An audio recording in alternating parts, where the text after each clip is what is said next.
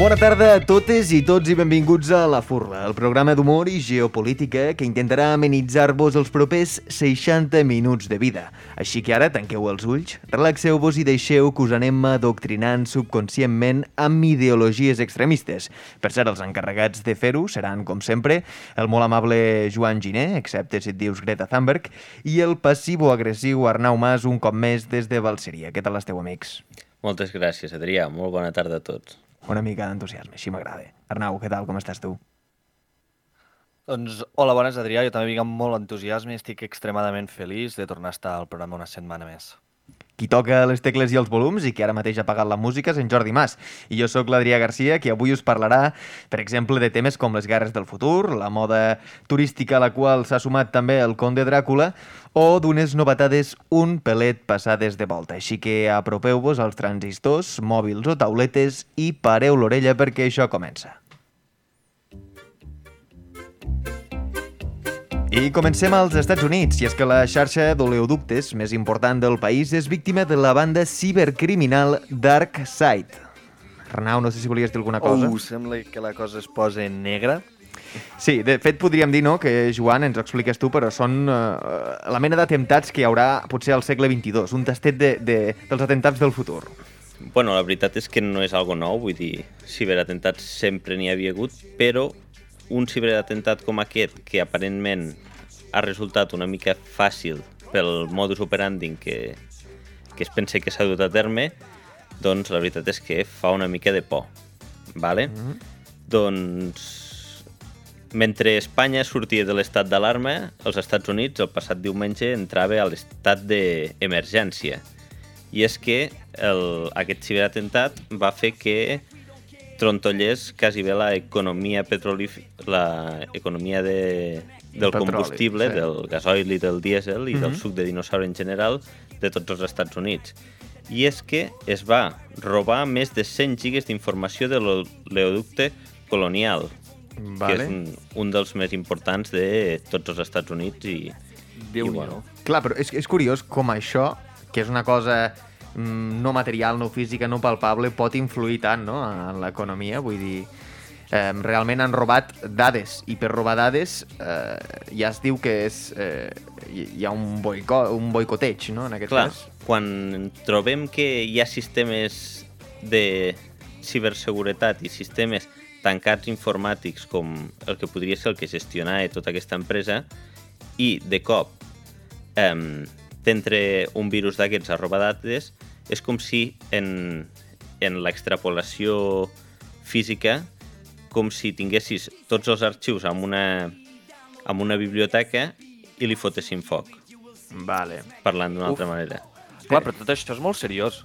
Llavors... Jo és que realment quan pensava amb atemptats del futur eh, pensava en coses com TikTok, no? per exemple. No pensava que arribessin a, a termes tan importants com oleoducte. Bueno, els atemptats del present són TikTok, jo crec.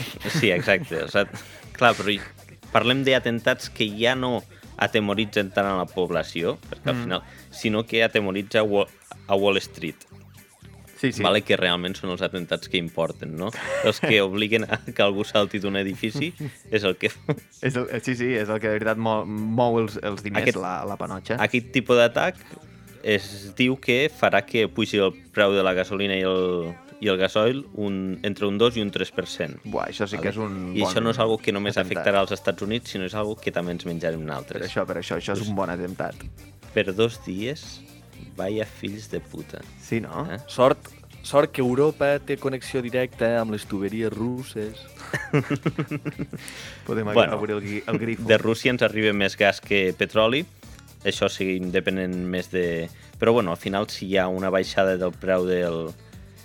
o una pujada del preu, afecta a nivell global. Vale. Pel, pel que veig, no? Eh, que no ho hem acabat dient, però aquest, eh, aquest oleoducte transportava més de 2,5 milions de barrils al dia. Una, una passada, no? Representa. Bueno, 2,5 barrils... Ai, milions de barrils, al final són molts barrils. No sé quants n'hi porta el DEP, però, o sigui, qualsevol altre, però bueno, entenc que serà el seu tarannà. No ho sé, ni idea. Vull dir, no sé ni quan porta d'aigua al canal Segarra Garrigues. De clar. clar. Que vindria a ser el mateix. Clar, no, però... Per molt que es digui que però... porta barrils, no és que no, no porta és... barrils, de veritat. No, ja ho sé, ja. No és una cinta... Però és que quan t'ho diuen en barrils sempre t'imagines algú omplint barrils, saps? Clar, I dient, clar. mira, monta una piràmide de barrils, saps? Sí, sí. Arnau, clar, un cubo. Uh, clar, però realment, quan, quan combustible pot con... no pot consumir aquests cotxes tan bèsties nord-americans? Quin, un Hammer, per exemple? Un bon Hammer, sí. Clar. Bon Hammer. Clar, clar, un bon Hammer. Igual, pues, si això transporta 2,5 milions de barrils, doncs un Hammer igual en, trans... en, en, en consumeix 15 al dia. Sí, i en carregui 15 més. Clar, has de fer el càlcul de quants uh, Hammers hi ha a Texas, a, a Califòrnia, uh, i Arizona, Nevada, i fer la mitjana, i després suposo que Hammers ja grocs, eh? Sí, sí. Quants Hammers grocs hi ha? Hammers dels guapos. Bueno, sí. la bueno, qüestió... clar, després tens els Monster Truck. els Monster Truck van, van amb electricitat. Exacte, van, van enxufar directe la corrent i cable llarg. eh, o gas natural. La qüestió és que això del, bio... Ai, del ciberterrorisme, ja et dic, no és algo nou, però és algo que cada cop s'està ficant més de, de moda. I ja no només el ciberterrorisme, sinó la cibercriminalitat, el robo de dades bancàries, el robo i, per exemple, un dels països experts en això podríem dir que és el del nostre president... Putin? No. Mm, Corea del Nord? Kim? Molt bé. El Kim nostre, president, nostre president Kim. Kim. Sí, sí. En Kimi. La majoria de la, molta de la financiació d'aquell país se diu que és de, amb ciber, ciberatacs d'aquests, robant targetes de... Saps? Quan, quan subscrius al Pornhub Prime... Te foten la targeta. Te foten la targeta i, i compres unes armes per Corea del Nord. Fantàstic. Jo crec que la veritat eh, que, no vam, que no vam aprofitar suficient eh, quan teníem dos presidents que es deien igual per establir relacions i finançar la nova república. No? Quim Torra i Quim sí que hagués funcionat. sí, sí. és veritat, eh? Bueno, la qüestió és que anem cap a un paradigma en el qual el terrorisme ja no consistirà en rebentar dos torres, sinó que igual amb bloquejar els ascensors ja en tindrem prou per causar el pànic. Buah, serà un terrorisme guai. Serà un terrorisme en plan de, de videojoc. Sí, de, depèn d'on t'enganxi, no? Sí. bueno, molt distòpic, no, Clar, en general. No és com el terrorisme que fa, per exemple, en Movistar quan talla la línia. No, no és com aquest. I que et diu que no, que no és problema teu, sinó que és problema de la línia en general que ha caigut. Ara, no t'ho compensa de cap manera. No, no. Això és clarament terrorisme. Això és terrorisme. Això sí que és terrorisme digital.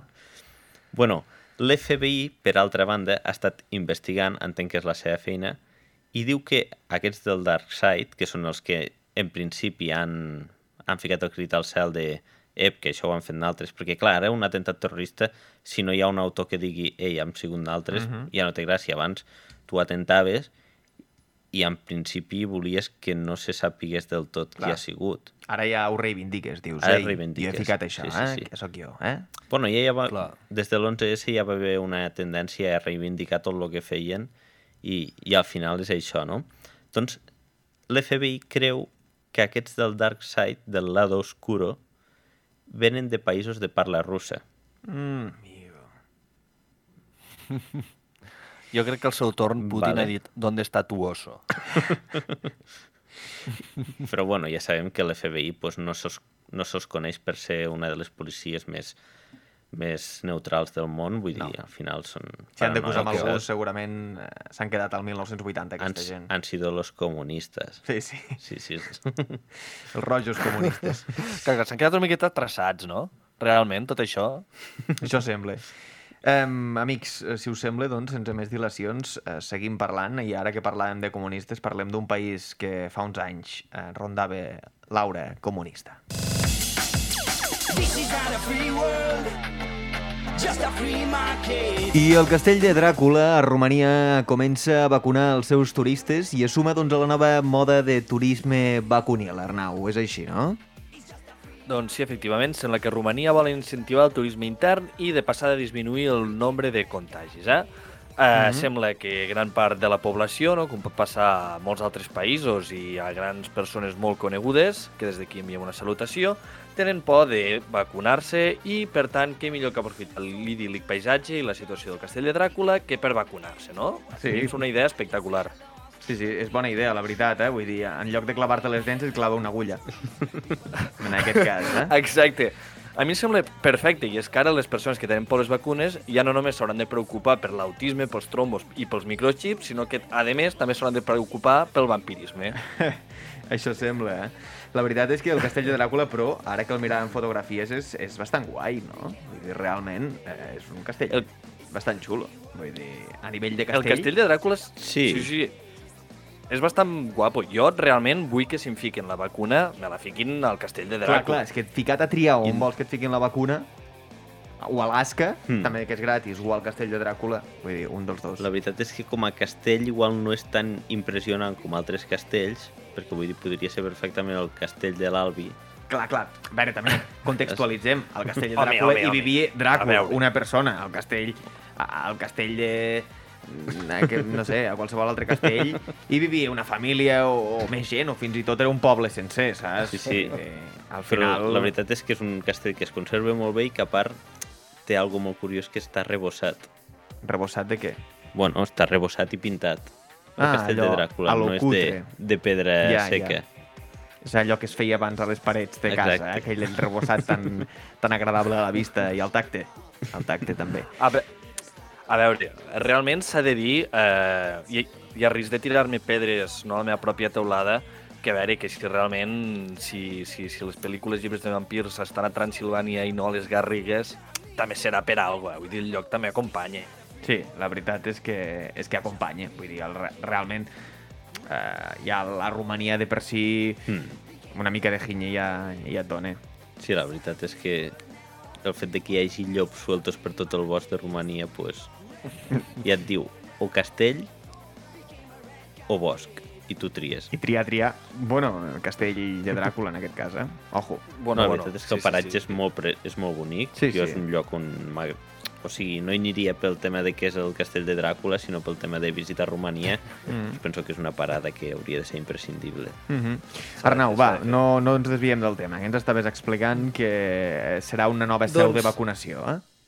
Doncs sí, sí, sí, sí. Doncs aquesta nova nova moda sembla que eh, afegeix un, un nou malson per al nostre, per al nostre cantant preferit Miguel Bosé i eh, sembla que en aquest cas, eh, com molts podrien pensar, no està patrocinat per Vlad l'Empalador, sinó que aquest cop ve de la mà d'un tal Alexandru Priscu, eh, un nom que sona, que sona molt...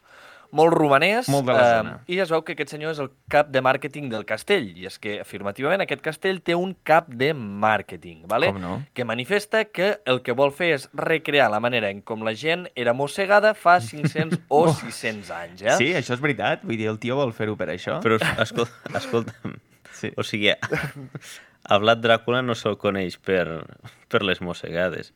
Jo tinc entès que se'l coneix bueno, per l'empalador clar, clar, clar, clar. Realment, jo, jo realment no acabo d'entendre massa bé a què es refereix aquesta frase, perquè realment aquest mosseguin al coll, aquest clavin un, una agulla d'un pam al braç, doncs, sí, sí. doncs també la diferència s'ha de dir que és una miqueta gran. Sí, la uh, a veure, uh, realment, si fa 500 anys la gent era mossegada o empalada, suposem que és una miqueta igual per a lo que fa la qüestió, eh? Mm -hmm. uh, perquè, perquè més enllà de la possible mida de l'agulla que utilitzaria per fer la, per, no, que utilitzaríem per fer la recreació no acaba, de, no acaba de tenir massa relació. Però bueno, ja posats a utilitzar no, tècniques de màrqueting de guerrilla, eh, que això és un concepte que a mi m'encanta, el màrqueting mm -hmm. de guerrilla, um, doncs jo crec que es podrien aplicar a d'altres llocs, no? Aquest vale. tipus de, de coses. M'agrada que extraiem um, les coses de context. Exacte, doncs Uh, jo crec que, per exemple, a França, no, a, la pressió, a, a, a la presó de Baumets, uh, a Marsella, uh, que va ser el lloc de l'última execució en guillotina, jo crec que allà podrien aplicar aquest turisme no, de vacunació. Clar, o podrien aplicar o fer recreacions de guillotina per si algú vol... Um, la veritat és que les dues opcions lluiten contra el Covid, que és el que es busca, no? Al final segur que alguns països, Clar, que... dels quals el nom no ha transcendit, han utilitzat mètodes com aquest per acabar amb la pandèmia. Sí, no parlem del Quim. No, no, no parlem de cap Quim. no parlem de cap Joaquim, clar, òbviament.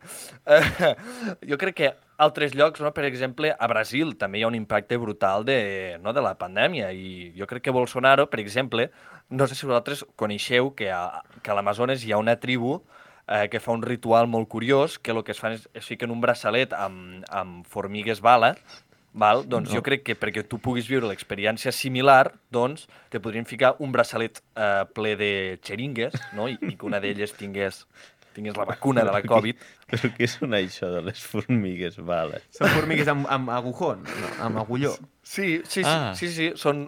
Sí, sí, són unes formigues vale, que, que, que, bueno, que es diuen formiga bala, òbviament, perquè la picada doncs, fa bastant mal. Fa com un mal. No? I llavors, doncs, Sí, sí, sí, sí. I llavors doncs, doncs veu que aquesta tribu se les fiquen al braç no? i és com una espècie de ritual Home. no? de, de passar la vida adulta. De Clar, és una de manera de, de fer turisme de, en plan de proximitat i turisme allò en primera persona. Saps viure, ficar-te la pell de la gent d'allà. També pots I anar amb una cas, favela també pots anar amb una favela. I, I que et xiringuin amb un ganivet. Ex ex ex exacte, exacte.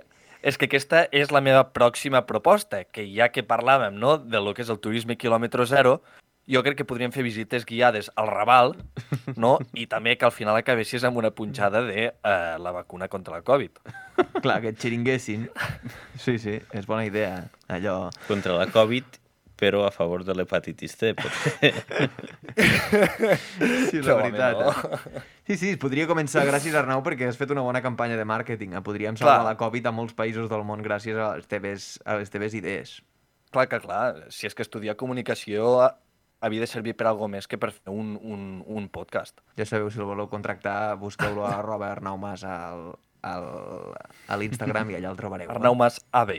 Vale. Ah, exacte. No, no, no. I és que, a veure, més enllà ja de fora bromes, eh, invitem realment a que tots els romanesos que ens segueixin, vale? que segurament que des de Romania ens escolta molta gent, um, que vagin en qualsevol cap de setmana de maig al castell sense cita prèvia, vale? han dit explícitament que no cal cita prèvia, tu vas allà a fer la visita guiada eh, i et pots vacunar. A més, han dit de que per si l'agulla no és suficient, també et fan una visita guiada eh, per a l'habitació de les tortures, eh, que es veu que tenen no? eh, diferents, diferents aparells exposats. Bona idea. Vale? I jo, i a nivell personal, els hi recomano que si hi van, vale, eh, que portin uns quants alls, una creu banyada en plata, un anulador d'ones 5G, vale, per lo que pugui ser. Eh? Ja, jo és que estic a tope amb la seguretat, no vull que passi com lo de l'oleoducte i que t'entri un virus, llavors, per tant, protecció 100%. Home, estaria bé que et fessin passar una nit al castell, saps? Allò en plan... En plan, i que et punxessin a mitjanit, saps? Sí, exacte. Mentre dorms, saps? I amb AstraZeneca. Sí, sí, amb AstraZeneca, que tens possibilitat de trombo, saps? En plan, si no te senta massa bé que... la mossegada... Clar, clar, vosaltres ho porteu més enllà, no? I proposeu la creació d'un escape room. O, o que els vacunin... No, I que realment perds quan te claven l'agulla. Que els vacunin amb la, amb la nova vacuna de Kazakhstan. Sí, amb aquella vacuna. Exacte. És bona idea. Aquella ni, ni amb colom rostit te la, la fiques, eh? Kazbak. Kazbak, nois, es diu. Kazbak. Nois, nois, eh, que sabeu on podrien també vacunar? On? De que no sé si us sona a vosaltres aquell bulo, no?, que deia que els monegros, no?, de sobte et trobaves una agulla clavada al teu braç, no?, al Desert Festival, Arnau. No, doncs, no, doncs que hi posi estàs immunitzat contra el Covid, aquesta agulla. Et vas a fer la prova el dia després i, jo... i encara no estàs immunitzat i vas al cap de dues setmanes i efectivament. Jo, jo voldria parlar d'una cosa que no... Bueno, ho heu sentit, la notícia d'aquella noia que l'han vacunat amb sis dosis de Pfizer? l'he sentit. Sí. sí, sí. Exactament, sí, sí, sí. Aquesta és com l'Obèlix, ha caigut a la marmita, està immunitzada de per vida. Aquesta ara aixeca cotxes amb una mà. Ni Spiderman no, no. ni tonteries. Que per cert... No, no, i diuen que aquesta dona, si t'hi apropes, et dona 6G al telèfon. Saps? Te surt la iconeta del 6G. Del 6G. Que, per cert, no sé si sabíeu que aquesta noia és d'un poble, d'una localitat italiana que es diu Massa. Massa, massa. Massa, excés. Que li han ficat massa, massa vacuna. Massa, eh? En aquest cas, clar, sí, clar, sí. se pot dir la de, eh, la de que alguns massa i altres massa poc. Molt bé, Arnau. Bueno, amics, doncs ja sabeu, eh, turisme de vacuna és el que es porta aquest estiu. Si encara no us l'han ficada, aneu buscant la vostra destinació preferida perquè us poden punxar on vulgueu. Ja no... ho va popularitzar un monarca aquí a Espanya. El què? Ja ho va popularitzar un monarca aquí a Espanya. El què? El turisme de vacuna. Ah, sí? Si no és algo nou. Sí, sí, sí. El ex-monarca va, anar, va anar a fer una visita als Emirats. Jo no he dit quin monarca. Jo sí. Bueno, hi ha molts ex. Eh, molts, hi ha molts ex-monarques. I les seves germanes que el van anar a veure. Això, això és veritat. Uh, Sí, no, no. Amics, amigues, uh, anem al següent tema i marxem cap a l'Àfrica. I atenció amb el següent titular perquè podríem dir que és una mica com Joc de Trons però made in Àfrica i és que aquesta ha estat una setmana de fèrrime disputa per fer-se amb el tro Zulu, una de les monarquies més importants de tot el continent africà, Joan, és així, no? Bueno, no sé si es pot dir a fèrrima disputa, això és el que diu el titular, però la veritat és que la situació té més de, de Joc de Trons que de, de disputa. vale. Vull dir, o sigui, és més de novel·la que de, que de disputa com podríem conèixer pel... I bueno, la qüestió és que els Zulu és una tribu barra ètnia, més ètnia que tribu ara mateix, del sud-est d'Àfrica. Vale? Ai, de Sud-àfrica, Del perdó. país sud-africà, Sí, de, vale. del país sud-africà, que compta amb una població d'uns 11 milions de persones. Vull dir, és un senyor. I aquests tenen una monarquia, una monarquia que és més representativa que res, vull dir, és algo tradicional, vull dir. Mm. I s'han despertat amb la mort de, Mon de Manfombi de la Mini Zulu, Molt bé, Joan. que era la reina que va ocupar el tro després de la mort del seu marit per complicacions de diabetes. Vale. Vale? Vale, vale, vale. Què va passar? On està la polèmica? No tenien, succés, no tenien eh, dinastia. No, t'explico. Un cop mor el, el marit, el marit eh, situa una de les reines al puesto durant tres mesos. Aquesta havia de ser reina durant tres mesos. Portar des del març siguent reina. Ostres! I la reina, la seva tasca és designar un successor. Vale. Vale? Tot indica o s'especula que aquesta persona pot haver sigut enverinada. Oh, això sí que és Juego de Tronos, eh? Sí, sí, sí. Per això, per això dic li va passar el mateix, eh? que és completament Juego de Tronos. I qui pot estar interessat en enverinar a la reina de, dels Zulu? El seu successor. No, no, ella tria qui és el successor. Ah, però no és el fill, eh? En aquest cas.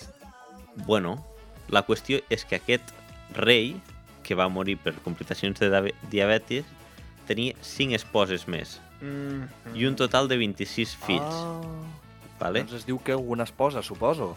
Ah. Ah. Ah. Això és un cas pel Ah. detectiu Joan, eh? No jo sé potser quin... més aviat que Joc de Trons diria joc,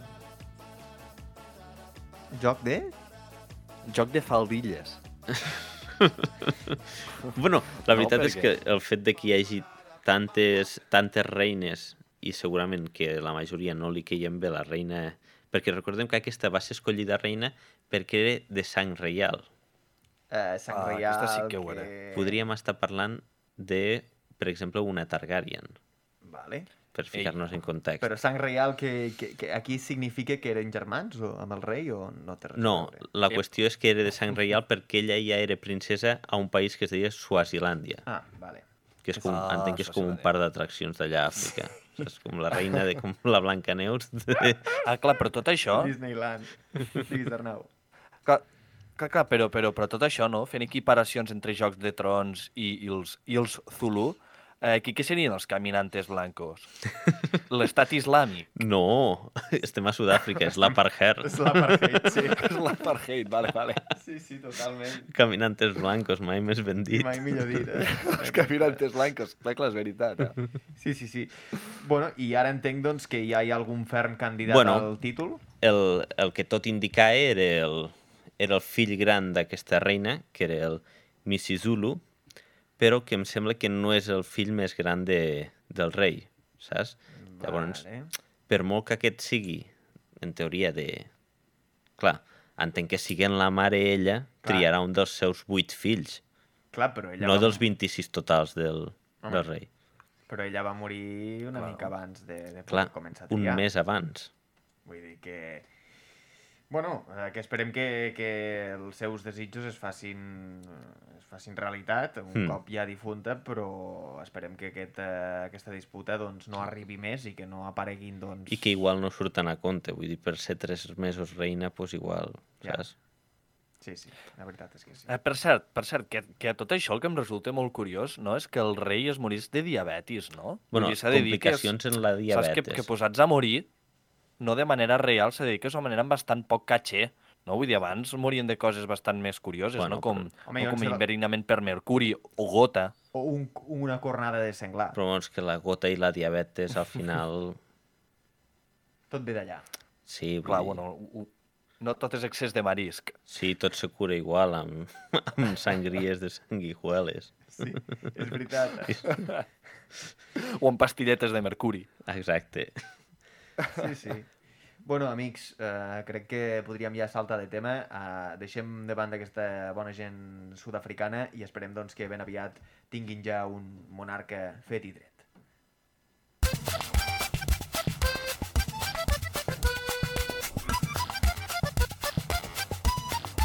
I tornem amb la cançó Mr. Pepino, que tan, tan agrada al Jordi Mas, i anem ara a parlar de Japó. I és que un poble d'aquest país eh, gasta el fons econòmic contra la pandèmia que els hi havia donat el govern per a construir un calamar gegant, una estàtua d'un calamar gegant, Arnau. Uh, sí, sí, sí, Joan, tapa't les orelles perquè tornem a, pas... perquè tornem a parlar d'estatus, tot i que aquesta vegada no de Greta Thunberg, sinó és que tenim un altre cas que afecta a un dels col·lectius més vulnerables de la nostra societat i el més indefens, perquè no té veu. I quin és? I és que... Els calamars. Els calamars. Ah, les estàtues, clar. Vale. Exacte, exacte, exacte. Tot i que uh, des de la Rambla sí que de tant en tant he sentit la veu. Eh? Sí. doncs bueno, uh, anem a un poble de Japó, vale? que es diu Noto, que està a la prefectura de uh, Ishikawa. Vale? I és que han decidit fer honor a un dels animals més representats i estimats de la seva cultura popular, o ser a ser el calamar, el calamar eh, jo suposo no, que pels comentaris també que has fet abans, Adrià, eh, que gràcies a aquest món tan globalitzat hem vist moltes vegades els pops i els calamars japonesos, no?, per internet. Sí, bueno, jo no he vist gran cosa de pops i calamars japonesos. Sí, jo, jo tampoc. De no què parles, Arnau? Arnau? sí, sí, aquells vídeos que us passen els amics, eh? eh doncs no, no, és que no és per menys. Eh, jo realment estic sorprès per la vostra ignorància perquè jo sí que he vist moltes fotos de calamars i molts vídeos on surten calamars i on surten pops i és que de la mateixa manera que els gallecs aquest animal forma part de la seva cultura culinària eh? no estava parlant d'altra cosa que no fos la seva cultura culinària, vale. i és que, eh, en aquest cas, eh, l'anomenat eh, pop volador és un animal... Eh, bueno, el pop volador eh, no és un animal, sinó que el plat, el pop volador, és un plat molt típic d'aquesta ciutat, eh? Vale, vale, vale. No és un invent d'en Doraemon, eh? El pop volador. No, no, no, no. No és un invent del Doraemon, tot i que ho pugui semblar, sinó que és un plat molt típic del lloc. Vale. Eh, llavors estem dient que ells han volgut homenatjar aquest plat típic del lloc i han fet una estàtua eh, a la qual s'han gastat una renyonada, no? Tens la xifra exacta de diners que Sí, sí, sí, tinc, tinc la xifra tinc la xifra exacta, exacta i és que eh, agafeu-vos a la cadira perquè, per a que no sortiu volant com el pop, i és que s'han gastat 26 milions i mig de ians que això traduït a euros seria uns 200.000 euros, eh? eh uns, 4, uns 4 dinerets de no res, eh, que les autoritats locals esperen que incentivi el turisme. A veure, la veritat és que eh, és una solució que probablement hagués agradat bastant als autònoms aquí a, a Espanya, perquè bàsicament com a mínim dona feina a, a una persona, saps? Vull dir que aquí eh, els exacte, autònoms exacte. estan, la veritat, bastant més carregats. Eh? On hi ha per aquí que hi hagi una estàtua de Mazinger gegant? Ah, sí? Eh, no, no sé on és, però sí, sí. Cap però, a, cap a però també l'actitud ve a ser el mateix, no? Sí, sí perquè sí. és on bueno, va néixer Mazinger. Sí. Ah, bueno, a veure, s'ha de dir que en aquest país també són bastant fans no, de les estàtues de, de Rotonda. Eh? Ja. Sí, la veritat. Que, per com a mínim, no per sort, a les Garrigues hi plantem un oliver, no que és més barat. Arnau, ai, Joan, no sé què deies. No, que perdona. dic que, que a Japó no sé si deuen haver rotondes. Crec que igual no n'hi no ha, que està més de cruces com als Estats Units. Allà on fiques una estatueta així. No, no, clar, clar, Clar, perquè clar, aquesta clar. estàtua és, és gran, no? Quan saps més o menys la, la mida, bueno, a la fotografia veig que és enorme, vull dir, això Jo, sí, 4, sí, 5 sí, bueno, metres el sembla, fa, segur. eh, no sembla que la foto és de la mida del restaurant que té al cantó. Sí. Eh, que no sabem si, si el, eh, no si realment l'amo del restaurant devia ser amic de l'alcalde del lloc, però... Home, tractant-se d'un peix japonès, entenc que potser aquesta estàtua està feta a escala real, no? Ho dic pel, pel tema de, de, del llançament de residus nuclears al mar. Clar, bu- bueno, i el calamar gegant, no?, que també és famós per evitar els mars, Kraken. bueno, els oceans. No és el Kraken? De... Kraken no és Eh, un calamar gegant. no, el Sí, Kraken, Kraken Kraken és és- un calamar. Ah, no és un calamar. Vols dir que no? No ho sé, no en tinc ni idea. Ni Vols idea. dir que no? Bueno, bé, a tot això es, suposem que com que el turisme d'alcohol i festa en aquell país eh, tampoc és que estigui massa ben vist, com ho està el nostre, eh, volem, eh, volen que els seus ciutadans ho flipin sense haver d'anar posats de droga caníbal. Tot i que si el tràgic final de Doraemon va provocar també alguna desgràcia, eh, podríem suposar que la influència de Godzilla podria fer que algunes persones es prenguin aquesta estota del calamar gegant potser massa en sèrio, eh? Sí, la veritat, eh? l'arribada del calamar gegant, del Kraken, que ara deien. Eh? Per sort aquest Sí, sí, cop comença des de terra. Sí. Que parteix amb desventatge. Un calamar, Exacte. un calamar a terra, bàsicament el rebentes, eh? te'l baixes ràpid. clar, clar. Però bueno, però, però, bueno, però, però tot i així, ja com ha avançat l'Adrià, sembla que hi ha gent que sí que s'ha pres bastant en sèrio i que s'han assustat bastant eh, per, aquesta atua, per aquesta estàtua i sobretot pels diners que ha costat. I és que aquests diners no han sortit d'un altre lloc que no fossin els fons governamentals que ha destinat el Japó per a reactivar l'economia post-Covid, per pagar tots els serveis de més, els sanitaris, per pagar les medicacions i, bueno, uh, jo Tope. realment no m'incroc o no m'inclouria en aquest grup si visqués a Japó, vale? uh, i és que hi ha gent que el categoritza d'un gas superflu i completament evitable. Uh, uh, sincerament, nois, que fàcil que fàcil és uh, fer populisme i fer política quan esperes que t'ho facin tot, eh? Sí, la veritat, eh? perquè fer un calamar al final eh, bueno, és, no és una ajuda directa, però... Però és indirecte. Però és indirecte. final- Vull dir, jo, jo sí sé que hi ha un poble que s'ha fet famós. Aquí- Ojo, eh? Un poble que s'ha fet famós perquè ha fet un calamar amb tots els diners del Covid, saps? I, I una notícia que ha transcendit i de la qual estem parlant aquí a un país que està a milions i milions de quilòmetres. Doncs jo crec que aquest país, aquesta ciutat, si estigués a prop, si Jo- estigués passant per allà al costat, allò que dius, m'he de Hmm. desviar eh, 3-4 quilòmetres per anar a veure... Estic passant per Ishikawa i si vull anar a veure el calamar me desvio Clar, 3 clar. quilòmetres. Dius, bueno, va, pararem a fer un cafè, allà a provar el pop volador. Exacte. I que al final han sigut 200.000 euros. Vull dir, jo he vist gastar més Exacte. diners amb coses més cutres. Vale. Per exemple... És igual. Exacte, exacte. No cal dir, dir res més. si realment hi ha gent Sí, sí, no cal Exacte, no si realment... Si hi ha gent que pot anar a fer un bocata eh, al, a l'aeròdrom mig abandonat de Castelló, per què no pots anar a fer un pop Exacte, volador al eh? costat de l'estàtua I del per què no ficar volador? una estàtua d'un calamar a la romana al mig de Plaza Mayor? Clar, Saps? no seria mala idea. No li diguis dos vegades a l'Ayuso que Ep. t'ho col·loque, eh? Manu? I, I una cervecita, eh? Sí, No, no, no. I és que es podria dir realment que aquesta proposta està a la mida de totes les propostes eh, no que estem fent aquí, i és que realment m'ha agradat bastant, eh? Um, realment em sembla una proposta bastant rock sòlid, eh? tan sòlid Mm. com, com els tentacles d'un calamar, i és que eh, esperen, vale? diuen que esperen que la estàtua ajudi a que la ciutat se conegui com una ciutat pesquera. Eh? Vale. Suposem que mínim reivindicarà la capacitat dels polítics locals per a pescar quartos de la gent, no? Això, se- això segur que sí, sí, sí. Però bueno, és que s'ha de pensar en l'economia. Al final, la- l'economia... És, el que, és el que de veritat està patint. Sí, sí, sí. Clar. I és el que ho mou tot. Sense Clar, perquè realment- Clar, clar, perquè realment aquí tothom vol ajudar els autònoms, però és que aquí li acaben d'arreglar la vida a un autònom. És el que he dit abans. El del bar. El del bar. El calamar senyor volador. Bueno, el fet del bar-. Exacte, i el que ha fet eh, el calamar, que com a mínim, saps, uns, uns, no uns cinc anyets els té, els té ja fets. Home, un escultor, un senyor escultor, que la, la cultura ho està passant Clar. malament, doncs un senyor escultor ha pogut donar de sopar i i comprar els cigrons a la seva família durant un temps. Exacte, exacte. Amics, Tot que... i que potser... Digues, digues, Arnau, anaves sí. a dir alguna més? Sí, no, no, que, que, ja, que ja per anar acabant, eh, voldria dir de que no de que pot ser que el, no, que l'enfado d'algunes persones podria ser perquè realment Japó eh, se, espera no espera reactivar el turisme properament, ja que amb tanta aglomeració sembla que estan tenint una nova onada de contagis. Um, al seu torn, Corea del Nord ha agraït la instal·lació per això d'una diana tan graciosa a provar el seu equipament democràtic. Com? Clar. No. El calamar s'ha convertit en una diana Ah. per algun míssil balístic, Vale. com el Taipodon. Eh? Poc se'n parla del Vinga, Taipodon. Adrià, que no es pot... Sóc com el. Exacte, exacte. Vinga, Adrià, que no es pot explicar tot. Que no pilla els xistes, eh? A veure, a veure quan anem a Japó. A veure quan anem a Japó. Ens ho apuntem. Bueno, amics, uh, no marxem d'Àsia i parlem, però, d'un altre país culturalment força diferent.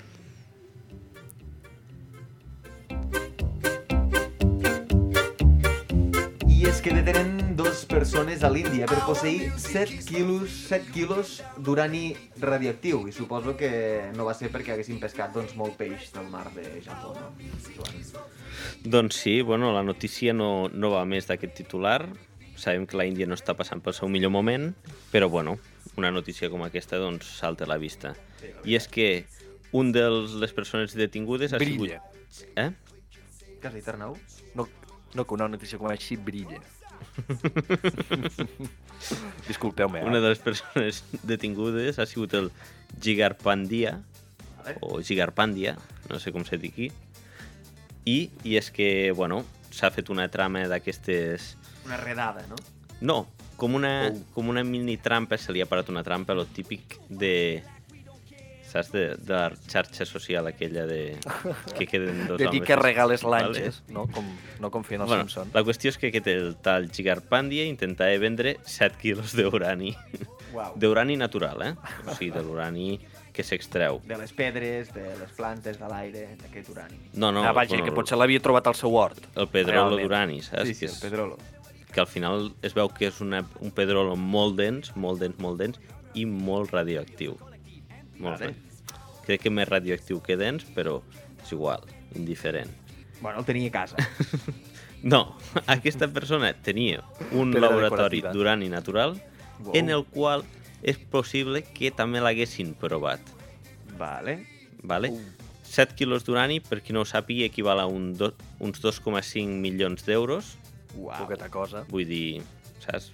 Una cosa que pots sostenir amb una mà abans de que et caigui, doncs costa 2,5 milions d'euros. És a dir, si mai tenim uh, diners en efectiu... Tu no pots tindre 2,5 milions d'euros a la mà. En canvi, 7 quilos d'urani sí. És veritat. No, però vull No dir que durant molt, molta estona. per evitar un corralito, si Sí, vull bueno, canviar, exacte. si vull canviar Exacte, els, me, exacte. els meus diners per un bé material, millor que comprar urani, no?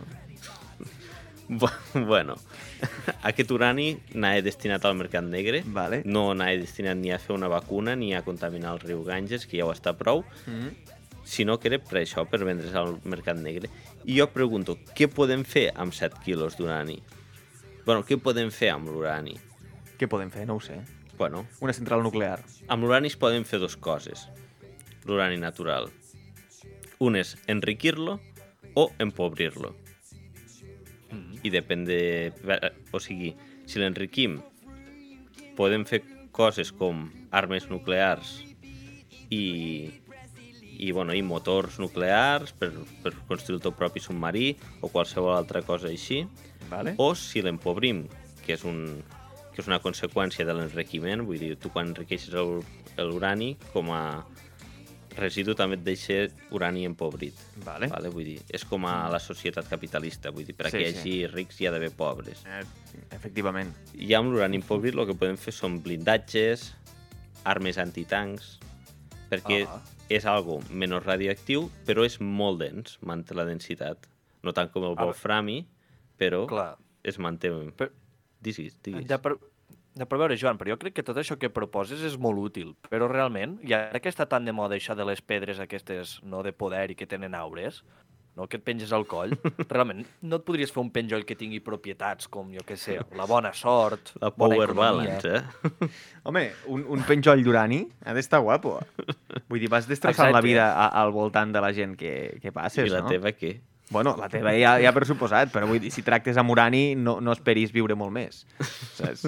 Exacte, exacte. No, no, no, no, i és que a més, saps? És que no et caldria esperar a que fes lluna plena per recargar-lo, sinó que t'estaria constantment re re carregant a tu. Clar, jo, jo penso, radiant. un, una persona que posseix 7 quilos d'urani, i recordem que estem parlant de la Índia, Mm -mm. jo no sé com viuen a la Índia, però, des de luego, amb les fotos i, i vídeos que he vist, no crec que ho tinguessin amb un maletí superprotegit de, amb capes i capes de plom i aigua Que per no protegir la aquests 7 butxaca, quilos. no? No ho sé, Ja, diguem desconfiat. ja, que probablement quan se n'hagin entrat els seus veïns potser s'emprenyen més que quan els hi van ficar l'antena aquella parabòlica que els hi deien que portava una mica de, de de radiofreqüència. Clar, clar, jo penso, dic, ospe, com deu haver estat gestionant? I aquestes persones detingudes diuen, a mi, a mi m'és igual ja, saps? Vull dir, A mi ja... Jo ja... el que em quede... Sí. Ara m'he petat diuen tot el si que havia tret el amb el... mòbil a l'urani et surt 7G, eh? o mute cap a càncer o mute cap a superpoder. Vull dir, en tots els casos, Home, o triar, estrella de. Bollywood o cap al Ganges. Vull dir, és que no... Triar, triar, prefereixen ser Green Lantern, eh? Exacte. Bueno, amics, va, eh, deixem de banda això, que se'ns està acabant el temps, i anem ara a un país que tenim bastant, bastant a prop, que s'anomena França.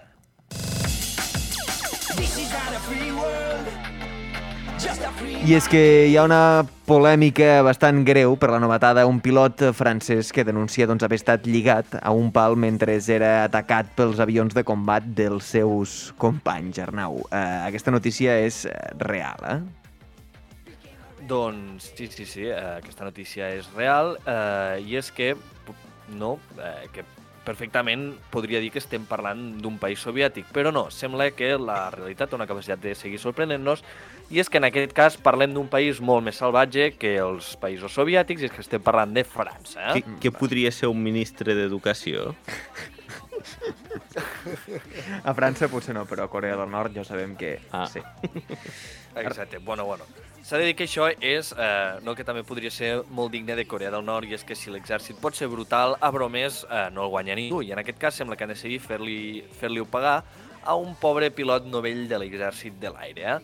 Eh, sembla que aquesta broma ha anat alguns passos més enllà de posar-li un coixí de ventositats al seient de pilot o de tirar-li un plat de sanfaina a les hèlixs de l'helicòpter per pringar-lo tot, sí I és que- veritat. bromes creatives, eh? Eh, Sí, sí, o fer- que- fer-li veure sangria eh, a morro de la botella mentre es cante una cançó, saps? Exacte. O manipular el teu exacte, exacte. paracaigudes per a que quedis enganxat a una farola. També s'ha vist això. també, també. Sí, això es va veure no, no fa molt temps, no, no, a, a no eh? gaire lluny. Exacte, exacte. O fer-li apropar un repartidor i dir-li cara anxova. Bueno, X. S'ha de dir que té pebrots, vale? que no se'ls hagi acudit res millor que lligar-lo a una diana d'un camp de pràctiques aèries de tir. Eh? Què us sembla? Home, la veritat és que em sembla una mica, una mica passat de voltes, no? Que és com un calamar gegant allà al mig d'un descampat i vinga a bombardejar. Però la gràcia era no tocar-lo, no? Uh, clar, clar, a veure, suposo, suposo que la gràcia era no tocar-lo. Vull creure que fins i tot uh, eren molt amics i I que no realment disparaven. ho van simular una mica. Eh? Vale. Però bueno, però, eh, però per qui no hagi vist les imatges i sigui massa mandros per buscar-ho per internet, eh, doncs el que es veu és un bon home no amb la cara tapada per una espècie de caputxa i lligat de peus i, de peus i braços a una viga que aguanta una diana eh, que, que mesura un colló i mig i que d'altura perfectament podria fer unes 10 baguets i eh, doncs, bueno, resulta que, segons ha declarat l'afectat, mentre estava en aquella posició, diu que va sentir avions sobrevolant a prop i trets de munició real al seu voltant, eh? Vale, vale, però en aquest cas eh, no va veure Una perillar la seva mort. en aquest. Home, veure-ho no perquè tenia la cara tapada, Clar, però... eh, és, el, és, és aquí on anava, vull dir. En cap cas va veure perillar la seva mort, però sí que ho va sentir. A part va que la imatge cas, que és com si jo portés crec que uns... això és una broma fantàstica, val? i jo crec que dins de l'exèrcit també ho pensen, perquè un dels portaveus vale, de les forces aèries diu que és una miqueta exagerat aquest senyor, vale? i eh, que això tot ho fan i que diuen tots. que ja han castigat el culpable... Vale. Com, com? No, dic que això ho fan amb tots, podria haver dit el responsable. Dic, no, Ah. si això ho fem amb tots. Exacte, exacte. Exacte, t'havien dit, galardonant-lo dit. amb una Ets- medalla. Exacte, exacte. Han dit, han dit, ets un exagerat, però bueno. Eh, està lleig, no? Es podria dir que està lleig i eh, han dit que ja han eh, castigat el culpable, eh, que total només era una brometa i que realment el soroll que va sentir eh, eren unes proves que es feien a prop seu, eh, però que en cap cas eh, se feien a la diana on, on ella estava lligat. S'ha de dir que això també tindria bastant sentit perquè la foto realment eh, es va fer bastant a prop d'on estava lligat i si tires un pepinardo allà, doncs el que feia la foto doncs, també hagués sortit una miqueta trasquilat, eh? Clar, clar, clar. Llavors, eh, Exacte. aquest home pot ser exagerat una mica i ens ha fet aquí un fake titular que, que ens l'han menjat en Ah, exacte. És possible que la Exacte, persona que va exacte. participar tampoc sofrís. No. Què va? Exacte. Doncs, doncs, bueno, eh, resulta que aquest senyor doncs, no s'ha pres massa bé que l'exèrcit tracti amb tanta lleugeresa el seu cas i eh, no, i és que eh, suposem que després, no, que després d'aquest ensurt doncs eh, li han dit que en realitat no se'n reien d'ell, sinó que reien amb ell i, bueno, i, bueno, com que, com que, a part, com que dins de l'exèrcit els xivatos també cauen tan bé, doncs es veu que ja l'han invitat a una petita escapada de cap de setmana a la base militar que tenen muntada al Senegal. Eh? Amb com, com, com, quin país era? Com Suïssa? Que els donaven bitllet d'anada i, i no de tornada, sí. però...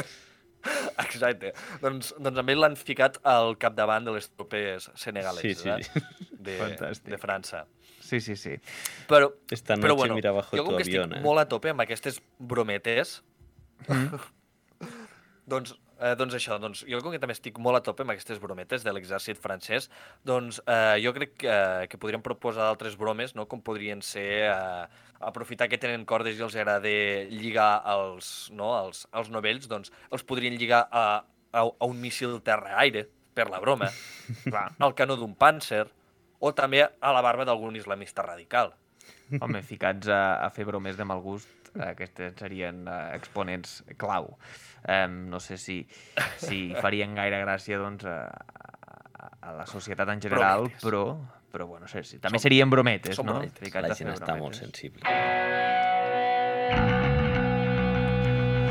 I tanquem amb aquest titular que explica que un home roba un cotxe patrulla de la policia i quan intenten capturar-lo es fuga amb un segon cotxe policial. Arnau, eh, una altra notícia que no és fruit de la teva imaginació, sinó que ha passat a la vida real, no? Doncs sí, ho podria ser eh, fruit de la imaginació perfectament, i és que després de grans, de grans hits d'enguany, com després de la detenció per intentar alliberar eh, cavalls per emportar-se'ls a casa, o d'encendre's a ell mateix en flames al intentar cremar la casa d'algun veí, o fins i tot de despullar-se i intentar robar un cotxe de policia i acabar xocant-lo contra un edifici, trobem un altre cas de Florida Man, eh? Això ho va fer Francis Franco? Sabeu Francis Franco? El net de Francisco Franco? No. Va fer una cosa similar. Anava borratxo, conduïa un cotxe, va xocar contra la policia i va voler escapar amb, amb el cotxe de la policia, alguna història d'aquestes. Consulteu, va fer fa dos o tres anys. I el va, va mossegar a la gent de policia. No, o en aquest cas no, però és un gran de Francis Franco. Va mossegar. Un grande d'Espanya. Com Bueno, no, una miqueta el seu seguint... Eh, no seguint, seguint l'estela d'Aguirre, eh? També una miqueta quan, Sí, sí. eh, quan va tombar les motos i això. Correcte. Diguis, Arnau, perdona. Doncs, doncs, bueno, no, que no sé si recordeu, però ahir quan vam estar preparant el programa, no, que ho vam estar comentant, no, que semblava un altre cas de Florida Man, i és que ho he buscat i al final resulta que sí, eh? és un cas de Florida Man, i és que entre brometa i brometa, doncs resulta que la notícia ha tingut lloc al comtat de Volusia, eh? a Florida, als Estats Units. Vale. Doncs, eh, després de no, després d'haver protagonitzat eh, aquest personatge abstracte, moltes notícies com baralles contra cocodrils, trifulques veïnals, eh, sem i que sembla que no eren pocs els Florida Man que estan sent detinguts per eh, que al seu moment van assaltar el Capitoli, doncs en aquest cas sembla que un home que estava sent perseguit per la policia ha robat no un, sinó que dos cotxes de la policia i el segon a la seva cara. Eh? Don, eh, això d'aquí es pot veure en un vídeo publicat per l'oficina del xèrif al seu compte oficial. Um, Vale. I és que realment, eh, vosaltres heu vist el vídeo? No, No. no l'han vist, ens l'expliques? Vosaltres heu vist una persecució de policia del GTA? bueno, jo l'he viscut. Ara no sóc massa bo, també t'he de dir. doncs, doncs, doncs realment si l'heu viscut eh, s'assembla molt al que podem veure en aquest vídeo, eh? perquè hi ha tot de cotxes de policia, hi ha helicòpters, hi ha de tot. Vale? Cinc que aquest estrelles, tio no? tingués les quatre estrelles Quatre. i tota la policia estés anant a per ella. Ja l'única alternativa que et eh, queda és saltar al mar i nedar. Però ells disparen igual. Sí, sí, sí. Sí, no, no, perquè, perquè realment eh, també sembla que, el, que la policia del, no, del xèrif del comtat de Florida també estigui eh, per tot un seguit de floridamans, eh? Perquè Perquè eh, això de Floridaman, Arnau, aclareix-m'ho. És un concepte abstracte, eh? No existeix un Floridaman en concret, sinó que No. se li diu a la gent que fa coses Sí, molt... sí, sí. Molt... Sí, sí. Hard, Sí, no, perquè això, perquè això també m'hi he Anades estat informant i resulta que és que com que hi ha unes eh, lleis de llibertat de premsa molt bèsties al comtat de Florida, es veu que la policia està obligada a publicar els informes policials eh, de manera molt oberta i amb molt poc de temps des de que s'ha fet la detenció i això comporta doncs, que surtin notícies molt estranyes a una velocitat doncs, també molt bèstia. Eh, per això eh, es crea aquest concepte de Florida Man. Vale, Eh? vale, vale, vale, vale, vale. I és que, bueno, no a tot això, perquè eh, un exèrcit de floridamans la policia. eh? En aquest cas, per gent poc hàbil, i és que el vídeo, si el, si el voleu veure, si el busqueu, molt bé, i si no us l'explicaré, es pot veure com un senyor està escapant amb un cotxe de policia, val? Eh, el vídeo comença amb la gravació de l'helicòpter, eh, com l'aconsegueixen eh, treure'l de la carretera a base de cops al, al cul no? amb un altre cotxe de policia, val? Eh, molt de persecució dels Estats Units, molt de pel·lícula, doncs aquí ho podem veure a la vida real, i acaba xocant, vale? un cop xoque contra un bosc, el senyor entra corrent cap, a, cap al bosc i s'endinsa, eh? s'endinsa per sortir al cap de 30 segons, corre, ficar-se al volant d'un cotxe de policia nou i eh, aquí es produeix un petit moment de a veure què passarà, perquè el senyor representa que puja al cotxe i ens trobem que hi ha un agent de policia apuntant-lo al cos. Uh, ni Vin Diesel, això. Mm, No s'entén massa bé per què. Tot i esperar el resultat que tots esperem, sembla que el senyor torna a accelerar i eh, continua la persecució fins que al cap de 4 o 5 minuts aconsegueixen pinxar-li les rodes i el senyor ja diu, va, fins aquí hem arribat, es tira a terra i es rendeix. Eh? jo penso que quan, quan la millor alternativa que et poden fer és disparar-te, ja no tens res a perdre. No, I és no, quan és passa veritat. això, eh? Exacte, exacte. No, no, i realment el tio jo crec que no s'acaba de creure massa bé que estigui viu, eh? Perquè, eh, bé, no realment, com, com, com explica la policia a la publicació d'aquest vídeo, doncs eh, resulta que l'home anava molt armat amb un perillós spray de gas pebre i que un cop havia pujat al cotxe de policia, eh, el policia que l'està apuntant es veu que sí, que evidentment el dispare, però el dispare amb un tàsser. Oh, es va confondre no un va altre tenir cop. massa efecte. Es va confondre d'arma, eh? Sí, sí, sí, sí, es va confondre d'arma. Uh, però bueno, això, eh? al, al, al final representa que, bueno, que, que l'acaben no? que l'acaben que l'acaben tombar, però bueno, ens trobem davant d'un cas particular de Florida Man que uh, ha servit per, per, per amenitzar la despedida eh? d'aquest programa, la Furla. Molt bé, doncs, amics, amigues, eh, joguines, eh, fins aquí aquest programa nou, que és el 8, o m'estic passant, ja me l'estic flipant. És el 9 que seria el 8, no? Si No, és el 9 que seria el 10. No, és el 8 que seria el 9. És el 9 que seria el 8. O és el 7 que seria el 8? Jo crec que és el 8 que seria el 9. O... És el seria vuit nou, que o seria el 9 el que nou. seria el 8. És el 8 que seria el 9. Si tu, Arnau, haguessis ficat bé els títols. No, Ho és sento, el ho 8 sento, que seria el 7. No. és el 8 que seria el 9. És el 9 En que seria cas. el 8. En tot cas, amics, tornem nosaltres la setmana vinent amb el següent episodi, que serà el 9, que seria el 10. Però, I no ho sabrem mai, eh, ho sabrem consultant-ho a posteriori. Així que gràcies eh, de part del Joan, de l'Arnau, del Jordi i també de part meva. Tornem aquí a la Furla. Bye bye, amics.